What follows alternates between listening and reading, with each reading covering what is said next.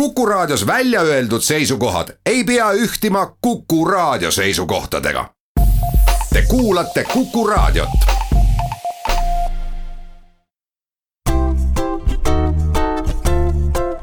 patsiendiminutid, Patsiendiminutid toob teieni Eesti Patsientide Liit. tere, hea Kuku kuulaja viimastel nädalatel on taas kirgi kütnud perearstisüsteemi probleemid. kuidas inimesed ei leia endale perearsti, ükski arst neid ei taha ja nii, nagu võib juhtuda, osapooled mõnikord süüdistavad üksteist, aga lahendust siiski ei paista. sestap olemegi me tänasesse saatesse kutsunud ühe kogenud perearsti ja uurime, millist lahendust tohtrid ise näevad. minuga koos on stuudios perearst Külvi Peterson, tere tulemast! Tere, head kukulased! nädal aega tagasi kuulutati välja seitsekümmend seitse parimat perearstikeskust. sind seal nimekirjas ei olnud. tuleb tunnistada, et minu perearsti ka ei olnud, aga mina olen väga rahul temaga. miks sind parimate perearstide hulgast leida ei olnud? Ma olen viis aastat juba olnud parim perearst. Need mängureeglid tegelikult, kust see parim perearst tuleb, on korralduslikus osas ja seal on ka asjad, mida nagu ise väga mõõta ei saa, seal on kas või digiepikriiside saatmine digilukku, koolitusnumbrid, asjad, mis võtavad neid punkte maha, see tähendab, et need seitsekümmend seitse sugugi ei ole ainsad parimad, parimaid on oluliselt rohkem sa seisad, ma sellisena sind teangi, seisad näoga patsientide poole. sellest räägib natuke ka see, et su mobiilinumber on patsientidele teada. kas sa läbipõlemist ei karda, et patsiendid su lihtsalt ära kurnavad? Need patsiendid, kes mul on, need tunnevad mind äh, Tallinnas juba viisteist aastat. sealhulgas on ka inimesi, kes mind kolmkümmend aastat tunnevad, on patsiendina kolmkümmend aastat olnud.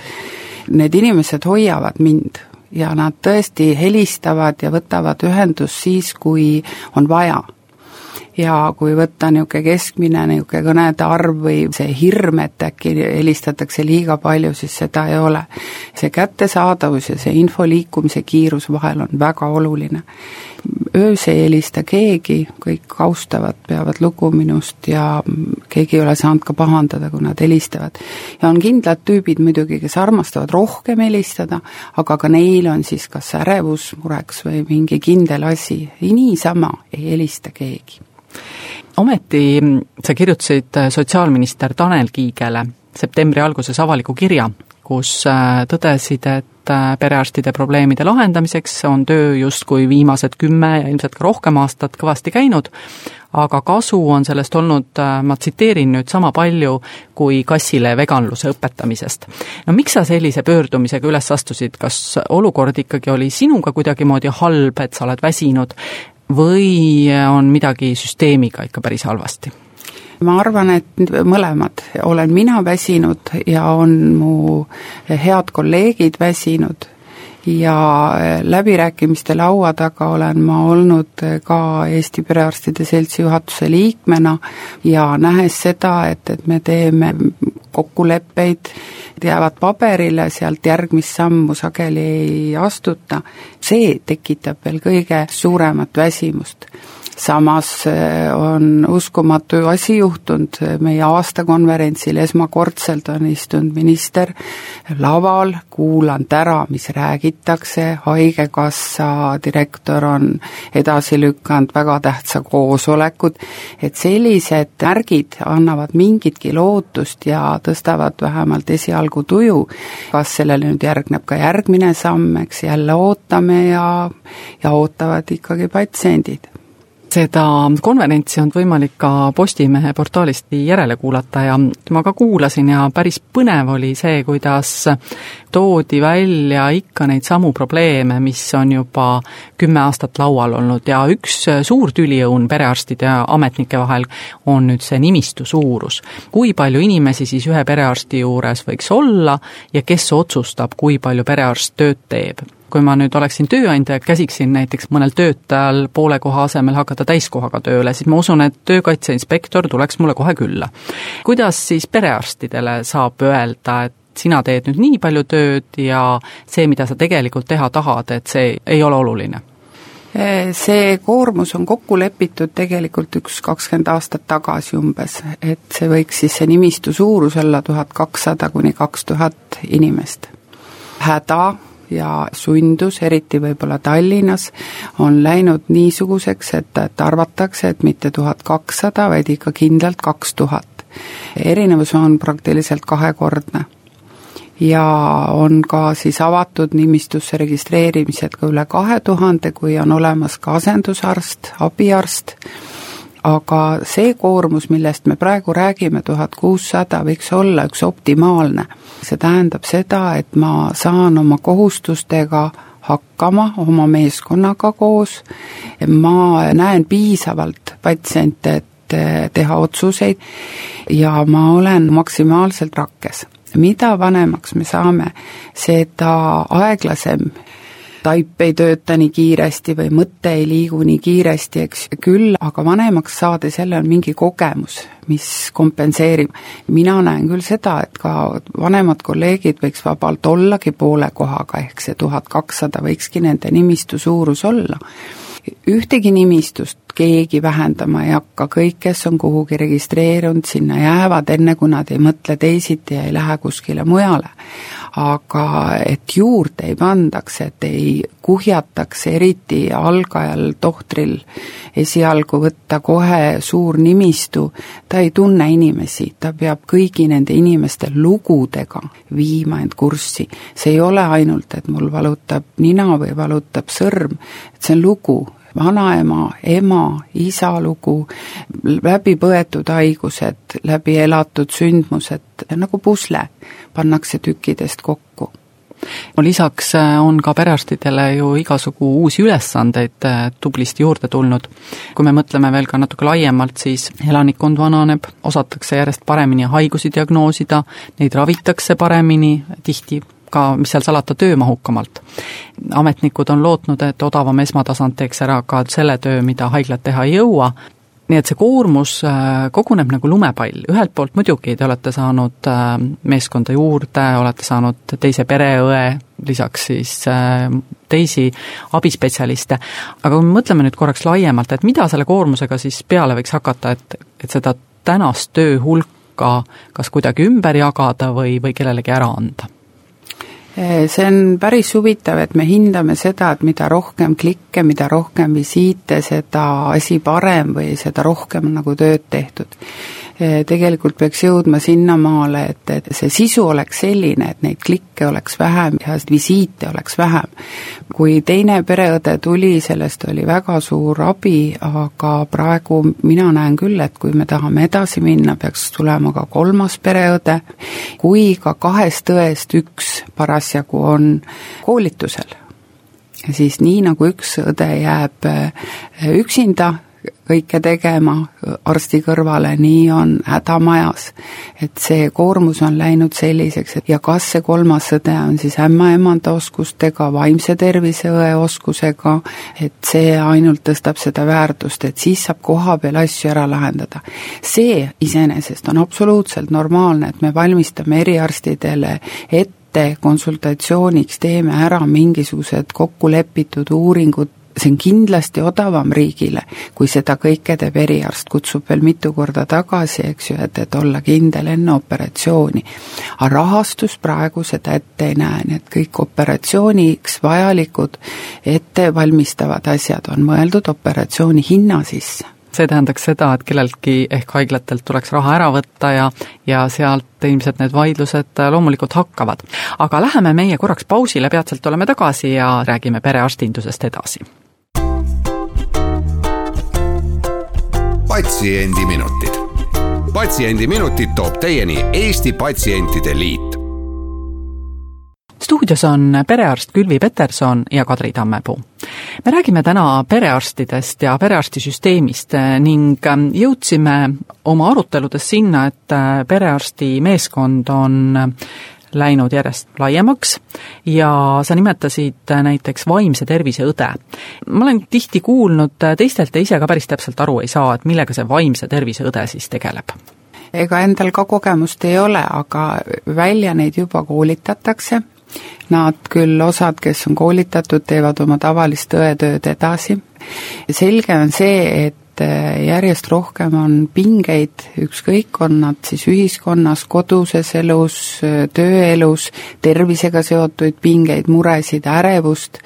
Ja oleks vaja kedagi, kes kuulab teist inimest ja katsub aru saada, kui suur see mure on, kas see vajab psühholoogi, kas see vajab psühhiaatrit, kas piisab perearsti konsultatsioonist. Ja seda kuulamist, mida kunagi oli võimalik pihil teha. see kipub tulema ka perearsti juurde. kuna meil on küllaltki teenusepõhine kogu see tegevus, seda, mida küsid, seda saad ja, ja nagu inimest kui tervikut või, või kes sa oled oma olemuselt, mis sinuga toimub, kui mures sa oled, et keegi peaks seda tegema. ideaalis on see, võiks perearst olla, kui ta vähegi jõuab, aga kui ei, siis võiks olla keegi sellest meeskonnast, kes, kes kuulab ja edastab need kõige tähtsamad asjad perearstile, siis kas perearst siis edasi juba tegeleb või asi veel kannatab või saab delegeerida edasi. Äh, tihti räägitakse ka seda, et ähm, osad perearstid ei taha olla iseseisvad ettevõtjad ja tahaksid töötada kellegi alluvuses. Äh, mis sa arvad, kas see on nagu tõsine probleem või on need pigem täna üksikud, kes äh, tahaksid ettevõtlusmuredest täitsa vabad olla ja ainult arstitööga tegeleda? Täna see on täiesti vaba valik, iga perearst võib ise otsustada, kas ta on ettevõtja või ta on töövõtja. ja seal mingeid piiranguid ei ole. Enda kogemusest võin öelda, et see ettevõtmine võtab minu ajast, ressursist ikka väga väikse osa. selleks on abis kindlasti raamatupidaja, on abiks auditeerimised ja see kõik on nagu, kui see selgeks saab, seal ei ole midagi, mingit kunsttükki samas jälle riik ähm, sooviks ilmselt, et arstid tegeleksid rohkem ravitööga ja ideaalis seitse-kaheksa tundi iga päev. näiteks äh, su kolleeg Madis Veskimägi Tõstamaalt, äh, tema on äh, tulnud välja ka sellise mõttega, et perearstid võiksid töötada kõik koos ühes sõbralikus peres, ühes ettevõttes, noh, või, või ütleme, maakonniti ühes ettevõttes, ja arstid teevad seal siis ravimise tööd ja administraatorid oma tööd Madise idee ei ole mitte halb. idee, et arst teeb vastuvõttu, näost näkku kohtumist nüüd eh, seitse või kaheksa tundi päevas, ei ole tänases maailmas enam mõeldav. Eh, sellepärast, et peale selle jäämäe tipu ehk vastuvõtt näost näkku on see jäämäe alumine osa, ehk see, mis analüüsid, vastused on tulnud, mis nad tähendavad, mis nende põhjal otsustada, kas edasisuunamine, kas ravimuutus, mis sellega peale hakata, digiloos saada andmed kätte, kas eriarst on teinud mingid otsused, see on oluliselt töömahukam, meil on ka veel üks niisugune huvitav vahendusfunktsioon või meil on siin teraapiafondid ja me jälgime nagu rahavoogusid, mis näiteks kliinilisele psühholoogile, logopeedile läheb, kas on vastus tulnud, mis see vastus sisaldab, kas on uut saatekirja vaja. seal ma olen ainult rahavahendaja ja minule tuleb arve, arve saadan Haigekassale ja muu muudkui vahendan. kas see võiks et, kuidagi teisiti käia? see võiks teisiti käia, aga noh, praegu see vahendus, et meil on nagu kontrollimehhanism ja ju siis Haigekassa ka tunneb, et temal selle kontrolli osas nagu kompetents ei ole võib-olla nii hea näost näkku otsekontakt on super, aga peale seda see on vaja dokumenteerida. Need reeglid on väga täpsed, kuidas seda teha, see tuleb kodeerida inimesed on nõudlikumad, arstid peavad ennast rohkem turvama, sa pead igas asjas olema kindel, eks ju, et et sa oled seda näinud, küsinud, vaatanud, sa pead selle dokumenteerima. kui sa ka oled seda teinud ja sa ei ole seda kirja pannud, siis on see tegemata töö. Ja kui on kohtuvaidlus, siis on, kes on süüdi, kindlasti arst on süüdi no kui palju patsiendid vaidlevad üldse näiteks perearstidega, et äh, ilmselt vaieldakse rohkem siiski kirurgidega või liigesevahetajatega või hambaarstidega? Eh, vaidlejate tõug patsientide hulgas on olemas, seal ei ole vahet, kas see on kirurg, hambaarst, perearst eh, ja paanikahäire tekitamiseks piisab ainult paar lehekülge või paar pealkirja kuskile meedias paisata ja on no listerioos ka täna kohe juba tuli esimene küsimus, mul on see haigus. vaidlejad on olemas, aga oma nimistus sa tunned neid, sa tead neid. Ja nende jaoks, eks ju, sa pöörad tähelepanu võib-olla mõnes mõttes rohkem, selgitad rohkem. Perearstid ei ole valmis täna uusi patsiente oma nimistutesse võtma, kuigi tegelikult me teame, et kümned tuhanded täpsemalt vist umbes kakskümmend tuhat inimest Eestis võiks olla ilma perearstita. kuidas seda olukorda võiks äh, kuidagimoodi parandama otsast hakata? Äh, seda juba parandatakse, parandatakse sellega, et perearsti residentuuri on suurendatud äh, vastuvõttu, noored tohtrid on tulemas peale ja kui süsteemi korrastada, siis on ka noorel tohtril motivatsioon ikkagi siin jätkata, teda julgustada, et on ka see inkubatsiooniprojekt on väga suure arutelu all, et mida see inkubatsiooniprojekt no, tähendab? nagu tibusid hautakse välja, et on kogemustega perearst, kes siis nõustab ja on avatud mobiiliga võimalus kätte saada, eks ju, noorel tohtril vajadusel küsida, küsida kakskümmend neli seitse. see ei ole veel saanud seaduslikke garantiisid ja, ja rahasid taha täpselt, aga tege-, tegelemine käib. kas see natukene võib-olla täna toimis ka nimistuarsti ja asendusarsti ja, moel? just, nii ongi aga kust need asendusarstid ja asendusspetsialistid siis peaksid tulema, kui meil tegelikult täna ikkagi arste ju ei jätku? No ongi, ideaalmaailmas äh, ei oleks defitsiiti. asendusarstide süsteem peaks olema kindlasti nendest tohtritest, kes on jäänud kuidagi kõrvale. kas nad on pensionil juba ja nad hea meelega töötaks mingi koormusega asendusarst võib olla kõrvale jäänud eh, ka tervise tõttu, aga ta on paranenud, ta tahaks võib-olla töötada, ta ei suuda teha täisnimistuga eh, tööd. ei tohiks kõrvale jätta ühtegi tohtrit, kes töötab ja kellel on olemas kompetents. me praegu tahame ainult suuri nimistuid, kui seda ei saa, siis meil ei ole teid rohkem vaja, tegelikult kõiki on vaja. perearst on nii, nagu on, ma ei tea, isiklik juuksur isiklik advokaat, see on pikk suhe. see ei ole nii, et, et täna ma kolin ja, ja kohe ma vahetan. ta teab must palju. vahel vahetatakse muidugi ka sellepärast, et, et perearst liiga palju teab. nii ta on, teistpidi jälle kõik kõigiga ei sobi ja, ja võib-olla need arstid, kellel on nimistusruumi, ei ole just nimelt need, kelle juurde patsient on valmis minema, et mida, mida siis teha? nõus, ja ei pruugigi sobida. ja, ja kui ei sobi, siis ei ole mingit mõtet käia nii-öelda rusikas taskus ringi ja, ja mõelda, et küll on vastikud perearstid, vaid ikkagi tuleb rääkida, mis siis muret teeb. ja kui rääkida ei saa, kui ei ole võimalik tohtriga rääkida, siis tuleb vahetadagi perearst et see ka hoiab ressurssi väga kokku. aitäh! ja aitäh, et sa täna saatesse tulid ja täname ka kõiki kuulajaid. stuudios olid äh, perearst Külvi Peterson ja saadet juhtis Kadri Tammepuu. oleme eetris taas nädala pärast ja seniks olgem terved! patsiendiminutid. patsiendiminutid toob teieni Eesti Patsientide Liit